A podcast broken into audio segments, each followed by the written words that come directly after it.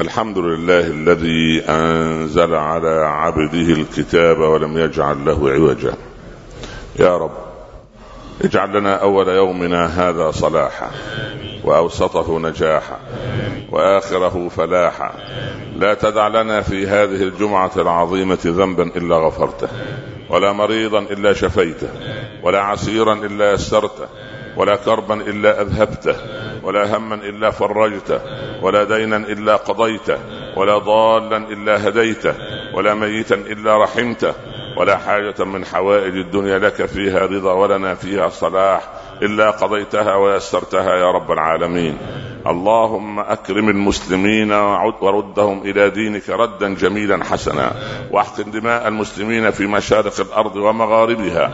أوقع الظالمين في الظالمين. وأخرجنا من بينهم سالمين. وتوفنا على الإسلام يا رب العالمين.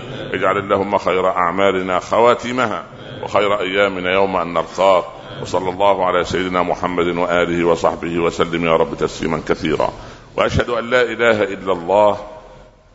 وحده لا شريك له وضع الحجة وأتم المحجة ويأبى الله إلا أن يتم نوره ولو كره الكافرون وأشهد أن سيدنا وحبيبنا محمدا رسول الله. بلغ الرسالة وأدى الأمانة ونصح الأمة وكشف الغمة وجاهد في الله حق جهاده حتى أتاه اليقين. صل اللهم عليه وعلى آله وأصحابه وأزواجه وأتباعه الذين آمنوا ولم يلبسوا إيمانهم بظلم. أولئك لهم الأمن وهم مهتدون. أما بعد. أيها الإخوة المسلمون الإنسان في هذه الحياة يتمنى في داخله أن يكون متوازنا.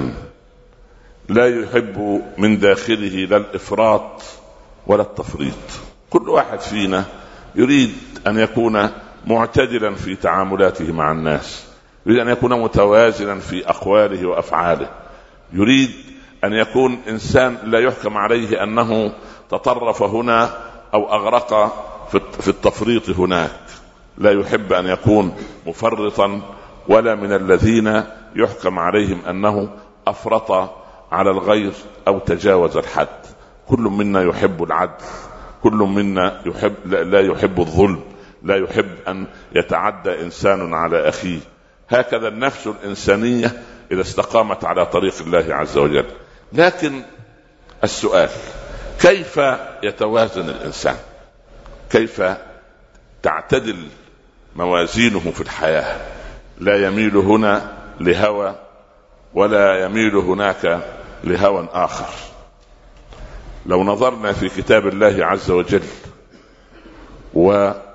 وذهبنا مع سيدنا يونس عليه السلام. سيدنا يونس جاء القرن الثامن قبل الميلاد.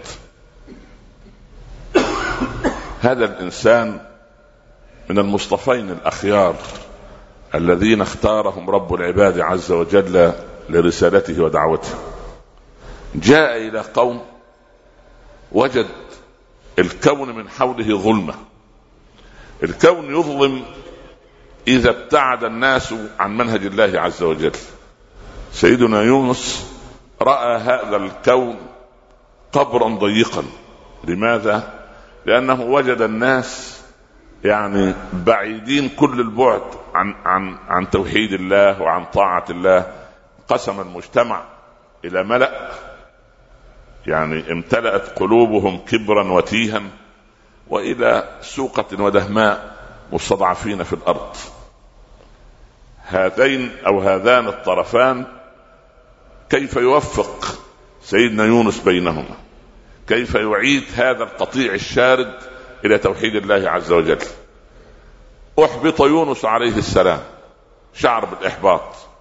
قال أن هؤلاء الناس يعني لا أتخيل أن يستقيموا على طريق الله. فذهب مغاضبا مغاضبا لقومه مغاضبا لهذا الظلم المستشري في المجتمع مغاضبا لهذا الكنود والبعد عن الله عز وجل. وجد على ساحل البحر سفينة تريد أن تبحر. ركب معهم. وبعدما أقلعت السفينة وأصبحت في وسط اليم لعبت بها الأمواج.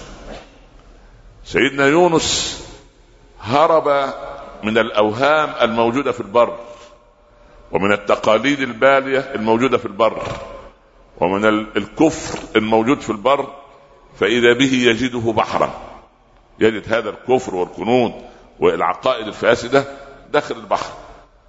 المسؤولين عن السفينة قالوا إن آلهة البحر في حالة من الغضب على أحد الراكبين في السفينة. وما الحل؟ الحل عندهم أن يقذف أحد راكبي السفينة لترضى آلهة البحر عن الراكبين وتنجو السفينة بسلام. يهرب سيدنا يونس من كفر البر ليرى كفرا في البحر. يهرب من البعد عن الله من هؤلاء القوم في برا فيجد أن نفس الأوهام ونفس الأفكار الخاطئة ونفس الحجاب ما بين العباد وخالقهم موجودة بحرا. فكيف يعني يعرفون من هذا الذي تغضب عليه الآلهة في زعمهم؟ ضربوا قرعة استهموا فساهم فكان من المدحضين. ساهم وقعت القرعة على نبي الله يونس. أخذوه وقذفوه. لما خرج يائسا الإنسان لما يكون في مصيبة يجب ألا يقول إن هذه أكبر مصيبة مرت بي لأن ربما تأتيك ما هي أشد. روي في الأثر أن المصائب أو في حديث النبي صلى الله عليه وسلم إن المصائب يأتي تأتي يرقق بعضها بعضا. يعني إيه يرقق بعضها بعضا؟ المصيبة تأتيك تقول هي هي إنها مهلكتي ثم تمر. فتأتي المصيبة التي هي أشد. لماذا؟ لأنك ما رضيت وما صبرت بقضاء الله الأول. سيدنا يونس شعر باليأس وشعر أن هذا الكون الذي يعيش فيه قبر قبرا ضيقا خيم اليأس عليه والسكوت. فإذا بالحوت يلتقمه فبعد أن ضاق البر به وضاق البحر به إذا به يصير في مكان أضيق في باطن الحوت. يونس عليه السلام بالنسبة للحوت كسمكة صغيرة يزدردها الحوت ويأكلها ربما لا تشبعه. إذا بيونس عليه السلام في ظلمة كان في ظلمة العيش بين ظلمة الشرك والكفر بين هؤلاء القوم فتركهم ليجد مخرجا إذا به يقع في ظلمة أضيق. ظلمة ظلمة البحر ظلمة الليل ظلمة باطن الحوت. هنا العبد كلنا يونس عليه السلام. نحن الآن في باطن الحوت العالمي. حوت العولمة حوت الفسق حوت الفجور حوت أن الذي يأمر الناس بالمعروف وينهاهم عن المنكر يعني يعرض الناس عنه. حوت غلبة القوي على الضعيف وفتك الكبير بالصغير. كعالم البحر مرة أخرى. الحوت إذا وجد السمك أكله هكذا. السردين الصغير أو إذا شبهنا أنفسنا بالسردين أمام هذا الحوت العالمي لا يجب أن يستسلم السردين الإنساني للحوت الظالم لأن للضحية نصيب كبير في أن يصير ضحية. يعني الاستسلام هو الذي يفقد الإنسان معنوياته. فلا تستسلم لأن للكون رب. وإذا دخلت في ظلمة حوت المصائب فكن كعبد الله يونس عليه السلام. أول ما اطبق الحوت فمه على يونس غاص به في باطن البحر. اذا لا مخرج لا ملاذ. لكن العجب إن المؤمن دائما إذا غلقت كل الأبواب في وجهه فإن باب الله لا يغلق. دائما إذا كنت في مشكلة وجدت قريبك تخلى عنك ذهبت إلى أخيك الغني تقول له أريد كذا لسداد الدين أسبوع وأدخل السجن يقول والله أنا ما عندي أنا علي ديون أيضا.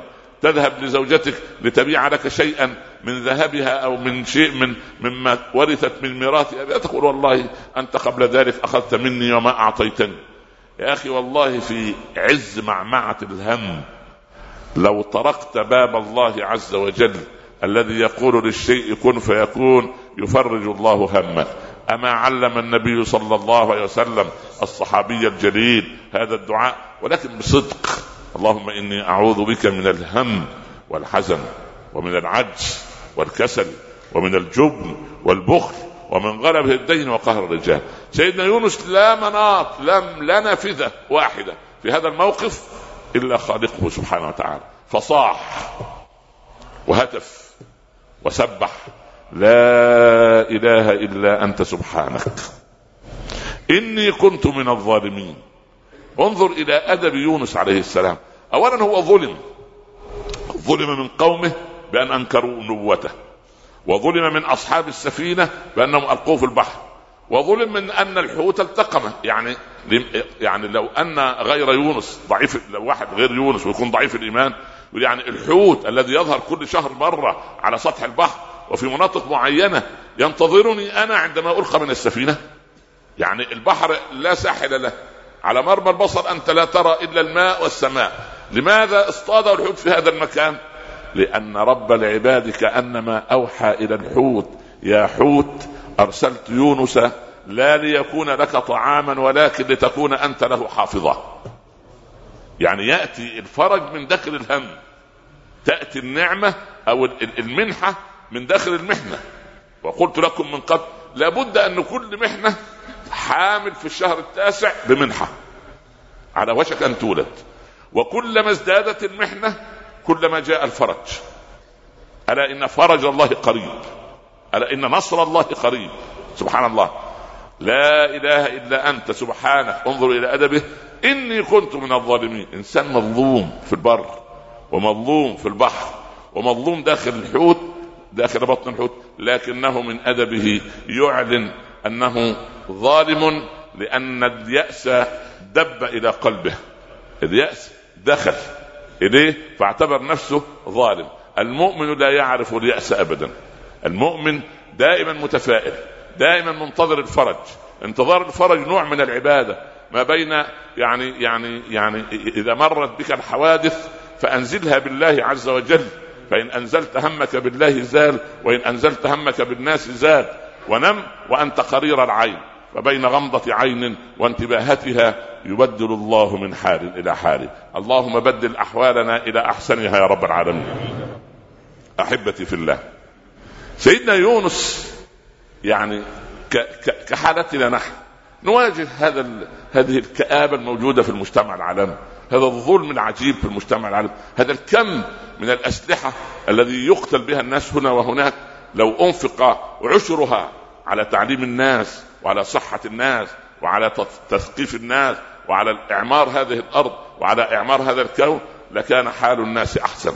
لكن هناك تجار يتاجرون بدماء الناس ويتاجرون بأعراضهم ويتاجرون لأنه لا يهمه شيء إلا أن يكون ظالما والعياذ بالله. اللهم أبعدنا عن طريق الظالمين يا رب العالمين.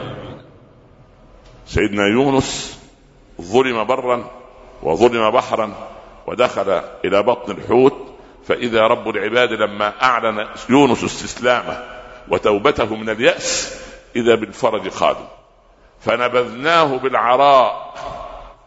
وهو مذموم. يا الله.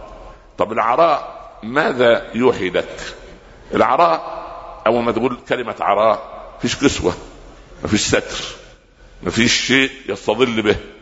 لكن الله يربي عباده على موائد كرمه بالطريقة التي يريدها هو. يعني كما أنزل كأنما يعني نحن ننزل من بطون أمهاتنا عرايا عرايا سبحان الله لا يسترنا شيء. سبحان الله. وكأن يونس ولد مرتين. أراد أن يستولد نفسه من رحم اليأس فذهب هناك إلى بطن الحوت. فلما أخرج من رحم الظلمة ورحم اليأس ذهب إلى رحم العطاء حتى يعلمنا أن العبد عندما يتوب كأنما ولد من جديد. وعندما يبتعد عن اليأس كأنما ولد عريانا كما كان. فنبذناه بالعراء وهو مذموم. ثم وأنبتنا عليه شجرة من يقطين. هذه الشجرة فيها محاور ثلاثة. خضرة يستريح الإنسان له فيها حياة. شجرة اليقطين بالذات لا يقترب منها الذباب. فربما يونس خرج مبتلا الإنسان المبتل من البحر. إذا كان هناك منطقة فيها ذباب كثير سوف تجتمع عليه لكن أنبتت عليه شجرة من يقطين. وأتخيل أن يقطين ما قبل ثلاثة عشر أو يعني أكثر من عشرين قرنا أو ثلاثة وعشرين قرن من الزمن غير شجرة اليقطين التي نراها نحن. ربما شجرة كبيرة شجرة اليقطين. ويقول آه، سيدنا أنس كنت لا أحب القرع. اللي هو اليقطين يعني. إلا لما رأيت النبي صلى الله عليه وسلم يلتقطه من طرف الصحفة ويقول هذه شجرة أخي يونس فأحببت اليقطين لحب رسول الله له. حتى في المزاج الأكل يعني رغبة واحد يحب هذا واحد يحب ذاك لكن المحبة الصادقة عند الصحابة كانت هكذا. أنا أريد أن أعود خطوة إلى الخلف قضية التسبيح فلولا أنه كان من المسبحين للبث في بطنه إلى يوم يبعثون. كل واحد فينا للأسف يظن أن التسبيح ده ماكينة. حتى الناس تتناقل رسائل كلها خيبة في خيبة دليل على حال المسلمين. إذا قلت كذا يعني يسأل. إذا قلت أنا عشر مرات كذا ماذا لي؟ لك عشر شجرات في الجنة ولك قطعة كذا. يا أخي هو نحن في مسابقات. يتحولت تحول التسبيح عندنا. ماذا أنتظر؟ أنا لو أعطيت رب العباد عشر تسبيحات يا أخي الله غني عن تسبيحاتك. الله غني عن هذه التسبيحات وهذا الذكر. فلا تنتظر. يعني لو قلت كذا وبعدين يأكد عليك. يعني أنا لو جلست في مكاني حتى تشرق الشمس بعد صلاة الصبح كأني حججت واعتمرت مع رسول نعم هذا حديث صحيح. يعني أكيد يا أخي أكيد لا إله إلا الله. هو منتظر أن يأخذ الثمرة قبل أن يغرس الشجرة. هو يريد أن يساوم. طب أيهما أفضل؟ لو أجلس بعد ولا أسبح.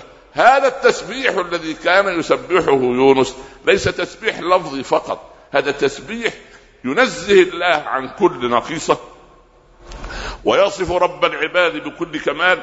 ثم كل أعضائه تسبح. فأنت إذا أردت من عينيك أن تسبح فانظر في كتاب الله عز وجل. وانظر إلى المسلمين برحمة وشفقة. وعامل وغض البصر عن محارم الله وغض البصر عن عيوب الناس هذا تسبيح العين. فإذا سمعت كتاب الله ودروس العلم والكلام الطيب فقد سبحت بأذنيك. إذا مددت يدك بالصدقة ومصافحة المسلمين والمسح على رؤوس اليتامى وقضاء حوائج الناس وتوقيع المعاملات للجمهور التي أنت موكل بها هذا تسبيح اليدين. وكلما ذهبت لعيادة مريض أو تشييع جنازة أو تهنئة بعرس أو تعزية أو غير ذلك أو إدخال سرور على ناس فهذا تسبيح القدمين. ثم بعد ذلك إذا بررت أباك وأمك فهذا تسبيح الجسد. أنا أتخيل بعقل الصغير وعلم المحدود أن هذا تسبيح يونس عليه السلام فلولا أنه كان من المسبحين للبث في بطنه إلى يوم يبعثون عندئذ أنبت الله عليه شجرة من يقطين خضرة راحة. الذباب لا يقترب هذا الأمر الثاني. الأمر الثالث وهو المعنى العام أن شجرة اليقطين تمثل شجرة الأمل في هذا العراء العجيب. وأنت انتظر الأمل من الله. لا تنتظر من مخلوق شيئا. إن رزق الله لا يسوقه إليك حرص حريص ولا تمنعه عنك كراهة كاره. إنما الذي يسوق لك الرزق إنما هو الرزاق المتين سبحانه وتعالى.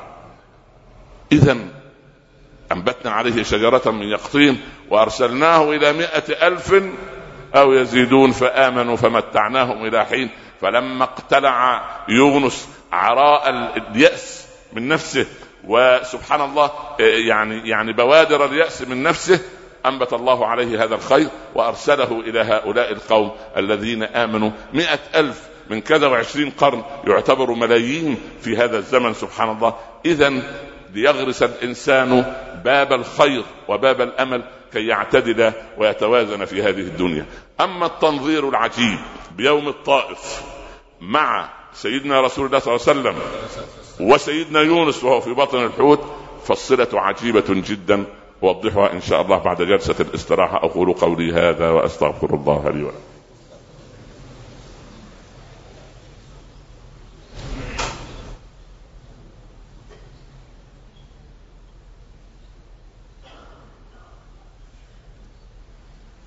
أحمد الله رب العالمين وأصلي وأسلم على سيدنا رسول الله صلى الله عليه وسلم. أما بعد.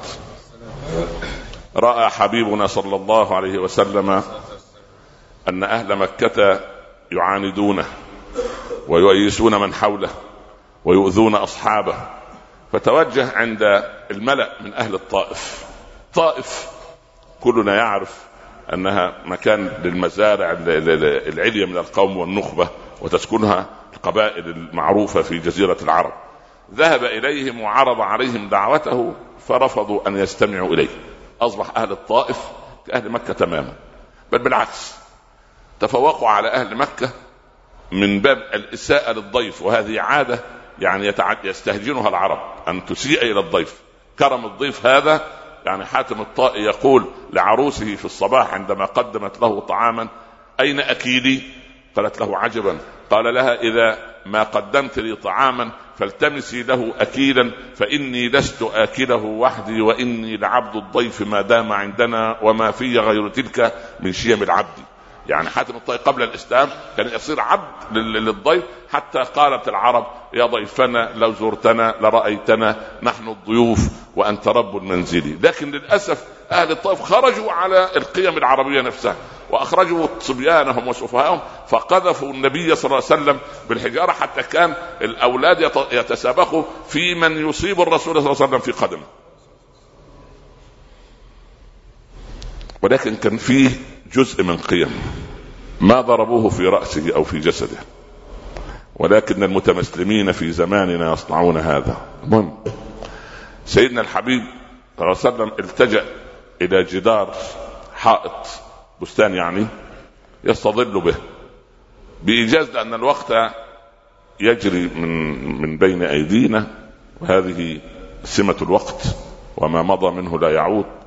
جاءه يعني غلام قدم له عنقود من العنب. فلما مد النبي صلى الله عليه وسلم يده قال بسم الله. فتعجب الغلام قال بسم الله. في بلد لم أسمع هذه الكلمة. هو جاي من بلد بعيد وليس في هذا المكان. في جزيرة العرب من يقول بسم الله يقول بسم الله باسم العزة باسم مناة. باسم هبل باسم هكذا. قال ما اسمك ما اسمك يا غلام؟ قال اسمي عداس. من أين يا عداس؟ قال من نينوى قال بلد يونس ابن متى قال وتعرفه؟ قال نعم. هذا أخي وأنا نبي هذه الأمة. أو الخاتم صلى الله عليه وسلم. فيكب عداس على أقدام النبي يطهرها من الدم سبحان الله ويقبل أقدام رسول الله صلى الله عليه وسلم. العجيب أنني تتبعت عداس هذا في كتب السير كلها ما كتب عن التاريخ ما وجدته قط. يعني هل هو ذهب إلى المدينة هل هاجر هل رجع إلى نينوى هل استقر بالطائف؟ المهم ظهر ليرينا قضية عجيبة. قطف العنب هذا بين يدي رسول الله صلى الله عليه وسلم تماما كشجرة اليقطين عند يونس.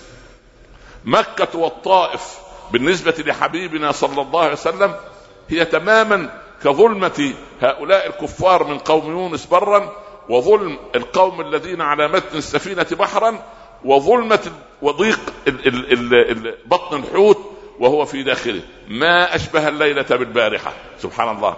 ولذلك قال ربنا ولا تكن كصاحب الحوت إذ نادى وهو مكظوم سبحان الله. لا تكن كصاحب الحوت. يعني لا تيأس أبدا يا محمد فإن فرج الله آتي. وأنتم يا أتباع محمد صلى الله عليه وسلم. لا تيأسوا. الساحة العالمية وأنا أقول هذا الكلام من أكثر من عشرين سنة. الساحة العالمية الآن تعد وتجهز لكلمة لا إله إلا الله محمد رسول الله. هذا ليس أملا كاذبا هذا استقراء. من تجوال الإنسان شرقا وغربا العالم الآن كسفينة تائهة. ولن تجد الأمن والأمان إلا عند من يقول لا إله إلا الله. محمد رسول الله. اللهم اجعلنا منهم يا رب العالمين. اللهم أكرمنا ولا تهنا. أعطنا ولا تحرمنا. زدنا ولا تنقصنا. كلنا ولا تكن علينا. آثرنا ولا تؤثر علينا. اللهم احقن دماء المسلمين في بلاد الإسلام. اللهم احقن دماء المسلمين في كل بلاد العالم يا رب العالمين. اللهم من أراد بالمسلمين سوءا فاردد اللهم سوءه إليه واجعل تدميره في تدبيره. اللهم أخرجنا من الدنيا مسلمين وأمتنا على التوحيد يا أكرم الأكرمين. وارزق بناتنا بأزواج صالحين وأبناءنا بزوجات صالحات. اللهم عاملنا بما أنت أهله ولا تعاملنا بما نحن أهله. أنت أهل التقوى وأهل المغفرة وصلى الله على سيدنا محمد وآله وصحبه وسلم. يا رب تسليما كثيرا. بسم الله الرحمن الرحيم. والعصر. إن الإنسان لفي خسر إلا الذين آمنوا وعملوا الصالحات وتواصوا بالحق وتواصوا بالصبر. صدق الله ومن أصدق من الله قيلا. لا تنسوا درس الاثنين إن شاء الله. أصبح بإذن الله من الاثنين القادم بعد صلاة المغرب إن شاء الله وليس العشاء. بعد صلاة المغرب إن شاء الله. وأعتذر منكم الجمعة القادمة بإذن الله. وأقم الصلاة. قوموا إلى صلاتكم يرحمكم الله. أحمد الله رب العالمين وأصلي وأسلم على سيدنا رسول الله صلى الله عليه وسلم. أما بعد أنا كنت أتصور أن بعد هذه الخطبة في درس لسببين أنها تكفي لتعلق بأذهانكم وذهن من تكلم. والأمر الثاني عندي شوية برد فبعد الدرس اللي يقترب هو اللي إيه الجاني على نفسه هم. الحمد لله وصلاة وسلاما على رسوله الكريم عليه الصلاة والسلام. وبعد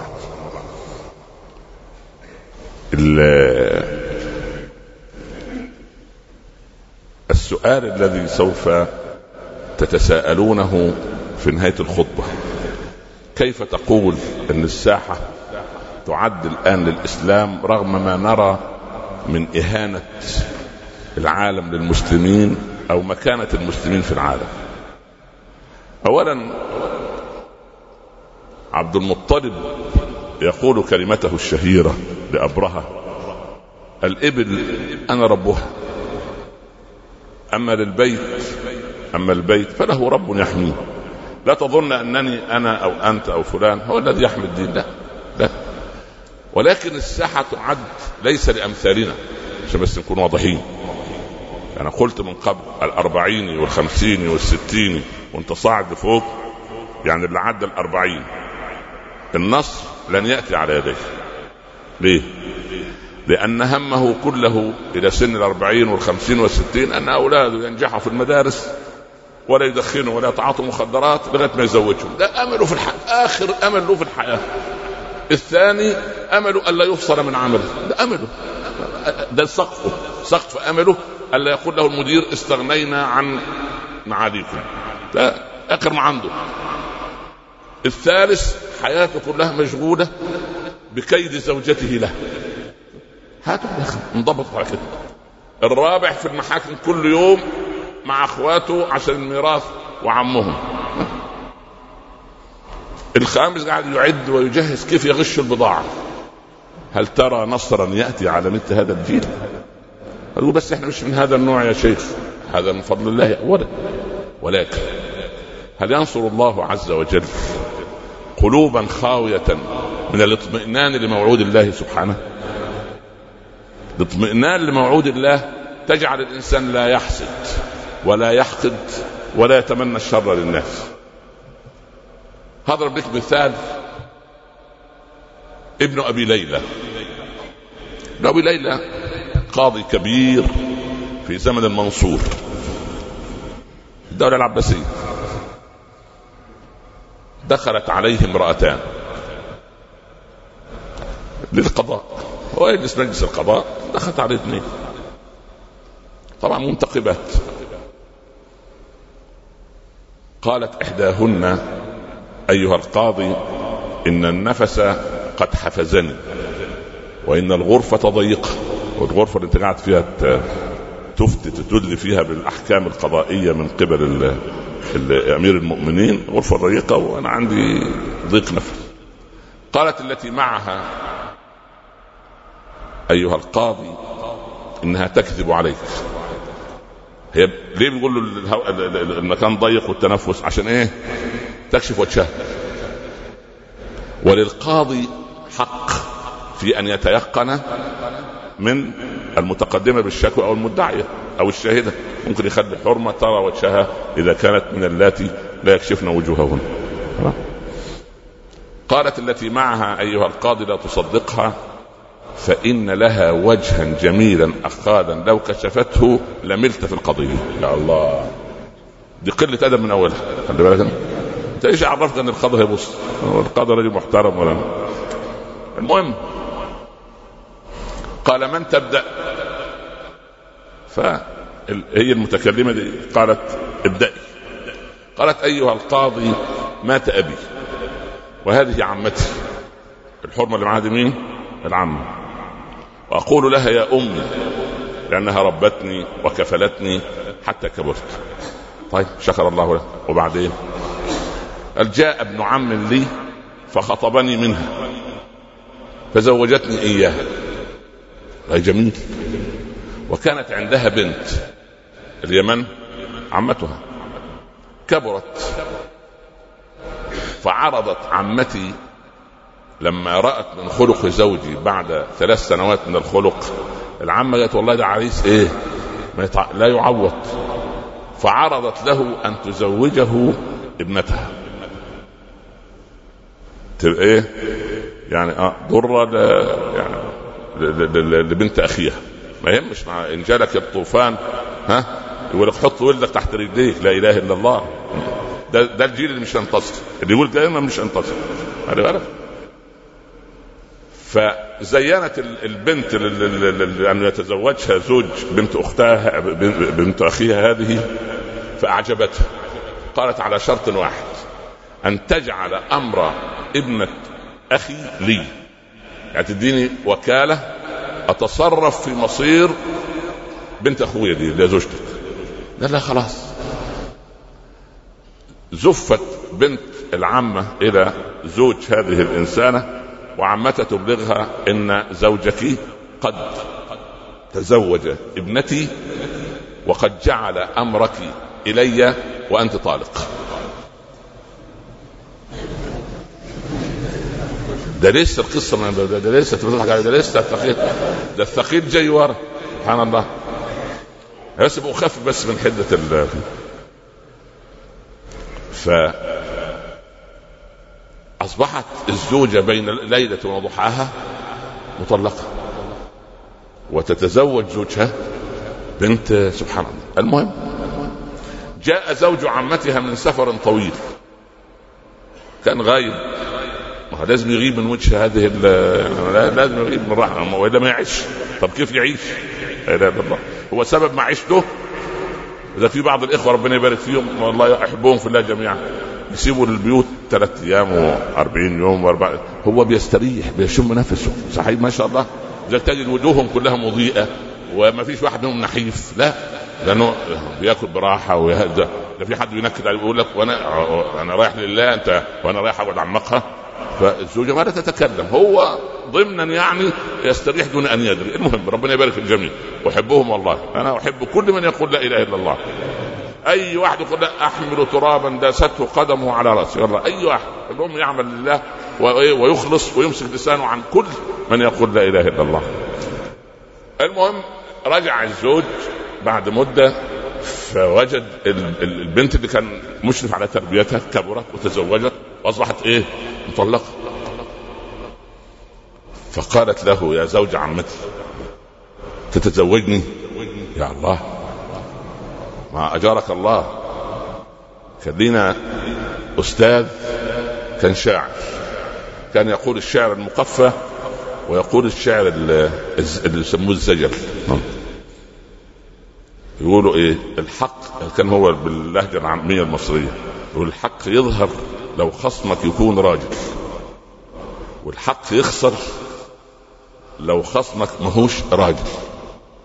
ولو ست صاحبة ست تانية وبس ارمي سلاحك وأوعى تقول أنا راجل. هذه وجهة نظره يعني يعمل لك خطير الكلام خطير. هم ضعاف ولطاف لكن إيه ما, ما تستثرش الهرة الناعمة. اياك هات لو يعني لو لو خربشتك بظافرها في عينك مش هتتعور خلي بالك. هتجيبك من عينك. يعني مش من حتة تانية. آه. احفظ عينك. الله يرضى عليك يا رب. بنحفظ لك جوارحك انت واهلك. واللي يتشدد. لك المهم يا سبحان الله. المهم. ف قال لا أنا موافق على أن إيه؟ اتزوجك وفيه رجال لما الزوجة تكبر في السن قالت إحداهن كنا في مؤتمر. وقفت تقول إن مصيبتنا كنساء كبيرة. أول ما نكبر في السن الرجل يزهد فينا إن إحنا بنصاب بامراض سريعا نكتئب سريعا والعجز يبان علينا. الرجل عندما يكبر يزداد بهاء ويزداد حكمة ويقول كلاما مرتبا فيبقى معجب أكثر. سبحان الله. أما هي يعني كان المنحنى فيها في النازل ومنحنى الرجل إيه؟ هذا كلام. يعني والله أستاذة ورئيسة قسم علم الاجتماع في جامعة كذا يعني, يعني الجماعة وأسكت عشان يعني. ما نذكرش أسماء في المسجد. المهم قالت لكن لي شرط أن تجعل أمر عمتي إليك لا يعني. لا لا يعني. هدف أمام هدف. خد بالك أنت؟ واحد صفر تبقى لازم تبقى ما ما ما فراحت أرسلت لها يا عمتي قصرت زوجة زوجة لفلان وأنت طالق فابن أبي ليلى وقف من شدة الإيه؟ عشان أنت بتسمع الكلام ده أنا بتسمع بلاوي كثيرة. ابن أبي ليلى بيسمع الكلام ده كان لسه الأم على الزيرو لسه ما عملت 10000 لسه السيارة بحالة الوكالة. لسه المجتمع زمن العصر العباسي ما ظهرش البلاوي ده إحنا ده إحنا بنشوف الله يا مؤمن لو تي... أنا عايزك تقعد معايا ساعتين مرة في المكتب تقول بس مشاة. عارف بيقول لك في المؤتمر مراقب؟ واسمع العجب. المهم المهم أصبحت العمه إيه؟ مطلقة. بعد سنة آه ابن أبي ليلى وقف من هول ما سبق قالت الحرمة اجلس يا رجل. القصة ما بدأت بعد. يا الله يا الله. القصة بدأت بعد. وفي قصص ثانية إيه رايكم نكملها لكم إن شاء الله الجمعة بعد القادمة. زي المسلسلات يعني اشمعنى يعني؟ قال اكملي راح قاعد ابن ابي ليلى قال لها دي الحكاية يعني. رحم الله أبا ما هو تلميذ تلميذ أبو حنيفة. رحم الله أبا حنيفة عايز يقول لو أبو حنيفة جنبنا. كان عرف يحل المهم يعني. فبعد مدة مات الزوج اللي هو زوج إيه؟ العمة السابقة دي. فتصارعت العمة اللي هي المطلقة مع ابنة أخيها على ميراث من؟ المتوفى. فقالت لها يا عمتي هذا زوجي ما علاقتك أنت بميراثه؟ أنت مالك أنت بالميراث؟ يا الله. فأخذ الراجل وطلقت العمة وأخذ الإيه؟ ما يحق من ميراث. العمة لم تترك الموضوع. ليها ليها ابن كبر. آه خلي بالك الابن ابن العمة دي صار رجلا. فعايزة تعمل مشكلة مع مع مع بنت أختها. لسه الثانية فاهمة أن لازم إيه خير الوسيلة للدفاع الايه الهجوم. فلما انقضت عدتها جلس زوجها الأول يقضي بين مين؟ بين العم عشان زوجته بنت بنت من؟ بنت هذه. العم فعايز يحل الموضوع. فأول ما شاف اللي انقضت عدتها حن إلى الإيه؟ الأيام القديمة. فقالت له تتزوجني؟ ما حرام يتزوجت واحد خلاص يبقى تحل له. قالت له نعم ولكن اجعل أمر زوجتك إليه. قال الأمر اليك فتزوجت زوجها الأول وإيه؟ راحت لزوجته اللي هي بنت عمتها وقالت لها أنت طالق. ابن أبي ليلى وضع يده على رأسه. قال وأين السؤال؟ أصل هو دخل في المشكلة. طب فين السؤال؟ أنا ده, ده, ده قصة مرعبة. ده, ده فيلم رعب. جاب كريستي ده ولا إيه؟ سبحان الله. قالت أليس من الحرام يا ابن أبي ليلى أن أطلق أنا وابنتي؟ سبحان الله. ثم تأخذ هذه الزوجين وميراث. يعني ده لعبت بالمكسب كله. وإحنا لعبنا في الإيه؟ في الخ... في الخسارة كلها. فابن أبي ليلى قال والله أنا لا أرى في ذلك حرمة. قتل عجبا. كيف؟ قال ما الحرام في رجل تزوج امرأة وأعطاها وكالة؟ ك... ما أنت ممكن تعطي وكالة لأي حد. يروح يطلق ويزوج ويشتري لك عقار ويبيع ارضه ويوديك في خبر أصبح. يعني ذهب ابن أبي ليلى إلى بغداد. فنحكي الحكاية امير المؤمنين. فلما حكى المنصور من شدة ضحك المنصور على القصة أصبح يبحث في الأرض بقدميه يعني قاعد ويريد من كثرة الإيه؟ قاتل الله هذه العجوز من حفر حفرة وقع فيها فهذه وقعت في البحر. سبحان الله لا إله إلا الله.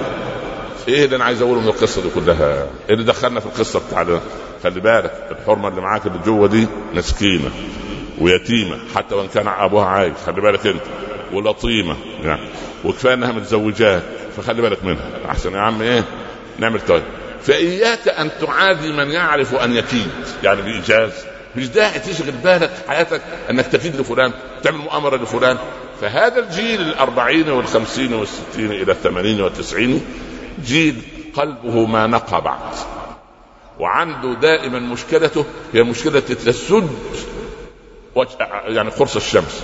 وأصبح سبحان الله كما أقول دائما ليس من همته همه شراء رغيف ليطعم به نفسه وهم من يحمل هم أمة. هم أمة ده, ده واحد يحمل هم أمة. والله من من المبشرات يعني لازم اديك مبشرات. الجمعة الماضية كنا في تحكيم مسابقة قرآنية في ستراسبورغ فرنسا. قامت أسرة ربما خبرت إخواننا في درس الاثنين. أسرة فرنسية أب وأربعة أولاد لا يتكلمون العربية ويحفظون القرآن كله. صعدوا على المسرح وبدأوا بقراءة جماعية الخمسة الأربعة أولاد من 12 سنة ل 20 أو 18 سنة الاولاد وأبوهم والنور يقطر من وجوههم وفضلوا يتنقلوا بين آيات الله في كتاب الله سبحانه وتعالى وأحدهم لا يعرف ولا كلمة عربية وكأنك تسمع الشيخ محمود خليل الحصري. مبشرات ولا مش مبشرات؟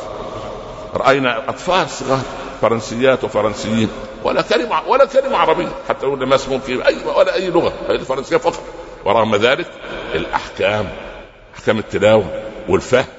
وتقف حتى إذا البنت صغيرة فإذا انقطع نفسها تعود عند الكلمة التي إيه يجب أن تكون جملة مفيدة يعني واحد. وكأن القرآن فيه سر. مش كان يعني إن القرآن كله إيه؟ كله أسرار سبحان الله. هذه من المبشرات. المبشرات أن إحنا ظل الاتحاد السوفيتي سبعين سنة ينشر الإلحاد وبعد سبعين سنة انهار الاتحاد السوفيتي وانضم إلينا ثمانين مليون مسلم يوحدون الله رب العالمين. يعني إذا المبشرات أولادنا الذين يحبون قراءة القرآن ويحبون الأدب وسبحان الله فأولادنا بإذن الله هم الذين سوف يحملون العلم إن شاء الله. وسوف يتلقى أبناؤهم بإذن الله رب العالمين ليرفعوا الراية وتعود هذه البشرية الضالة إلى دين التوحيد دين الإسلام. اللهم احشرنا في زمرة الموحدين. يا رب العالمين كن عن همومك معرضا وكل الأمور إلى القضاء وانعم بطول سلامة تسليك عما قد مضى. فلربما اتسع المضيق وربما ضاق الفضاء ولرب أمر مسخط لك في عواقبه رضا. الله يفعل ما يشاء فلا تكن متعرضا. وصلى الله على سيدنا محمد وآله وصحبه وسلم. والسلام عليكم ورحمة الله وبركاته.